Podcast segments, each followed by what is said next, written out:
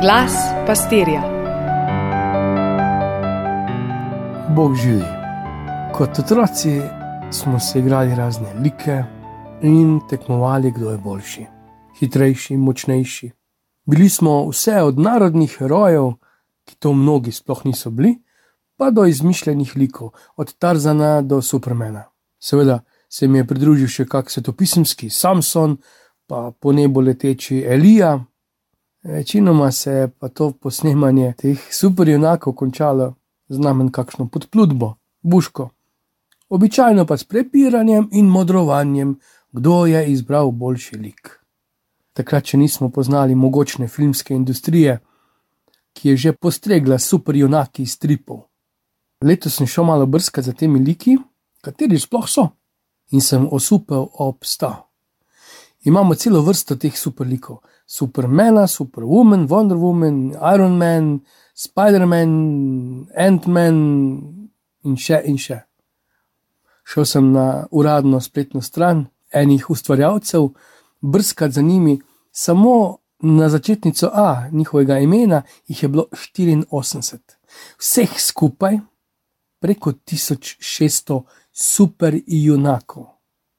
Pa če tem dodam še razne like iz risank, pa premnogih zgodb, potem imamo kar neko grozno zmešnjavo, mnogo večjo, kot pa je bila v grški mitologiji. Zato, kot takrat, tudi zdaj hvaležno rečem, kekec je še vedno zakon, to si piši za oho.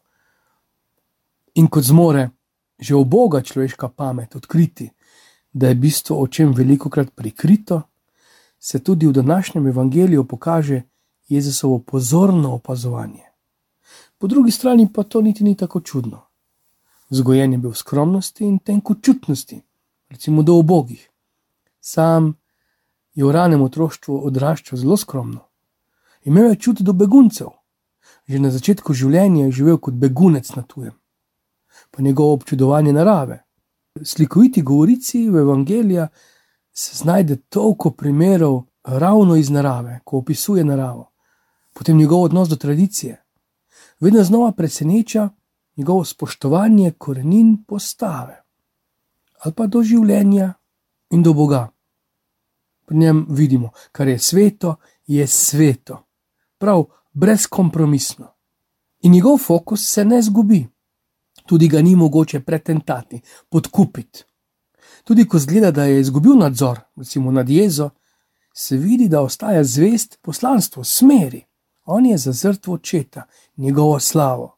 Tudi ko se vse sesuva, moj bog, moj bog, zakaj si me zapustil, tam v teh poslednjih besedah doda še obljubo nebes razbojniku, kliče po odpuščanju vsem grešnim in še na koncu, še enkrat se popolnoma izroči očetu.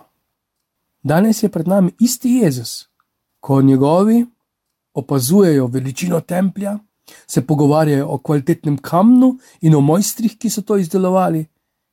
On vidi tisto brezimno ženo. Žena brez imena in brez imetja. Ni primerna niti za statista, kaj za stransko vlogo, kaj šele za nominacijo osrednjega lika. Jezusu ne uide ona in mu tudi jaz ne uidem. Jaz v Bogi, ki bi rad imel super talente in darove in karizme. No, če to ni možno, pa do najbanalnejših eh, dekoracij, mogoče manjšo cifro na tehnici, ali pa eno luknjo manj v pasu, pa do super spomina, ali pa znanja vsaj enega, še enega tujega jezika pa do lepega obrazka brez mozolja, pa dežnika, ki preskrbi vedno sonce, denarnico z neoslahljivim virom bankovcev, ali pa rožni venc, ki izmoli vsako prošnjo, ali pa v avtomobilu obešen na gledalo, ki moli na mesto mene. Tudi brez vseh teh neumnosti me on ne spregleda. O vdovi vemo samo to, da je Boga vdova in da je v zakladnico vrgla dva kovančka ne vem, če je to spodbuda za nas, da bi to bilo merilo za današnji ofer. Doda, da je dala vse, kar je imela. Morda ste že slišali za tisti pogovor dveh prijateljev. Prvi sprašuje drugega: Hej, bi mi ti dal eno hišo, če bi imel dve? Ja, itok. pa en avto, če bi imel dva, pa veš, da bi ti dal, pa en računalnik, če bi imel dva.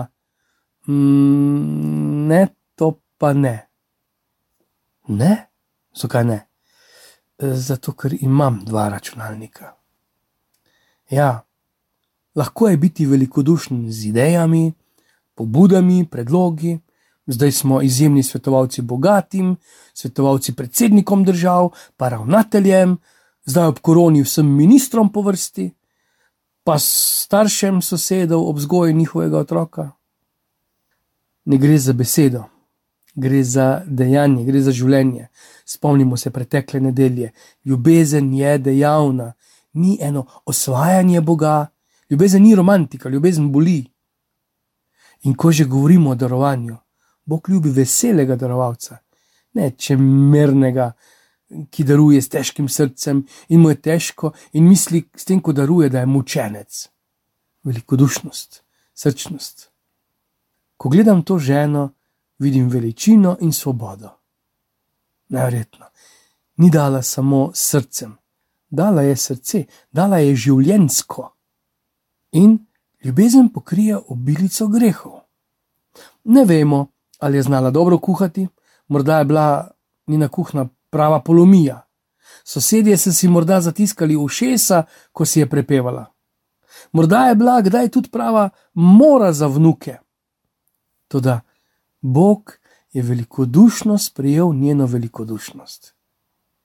In spodbuda za nas, obuditev darežljivosti. Ja, lahko začnem tudi z desetino.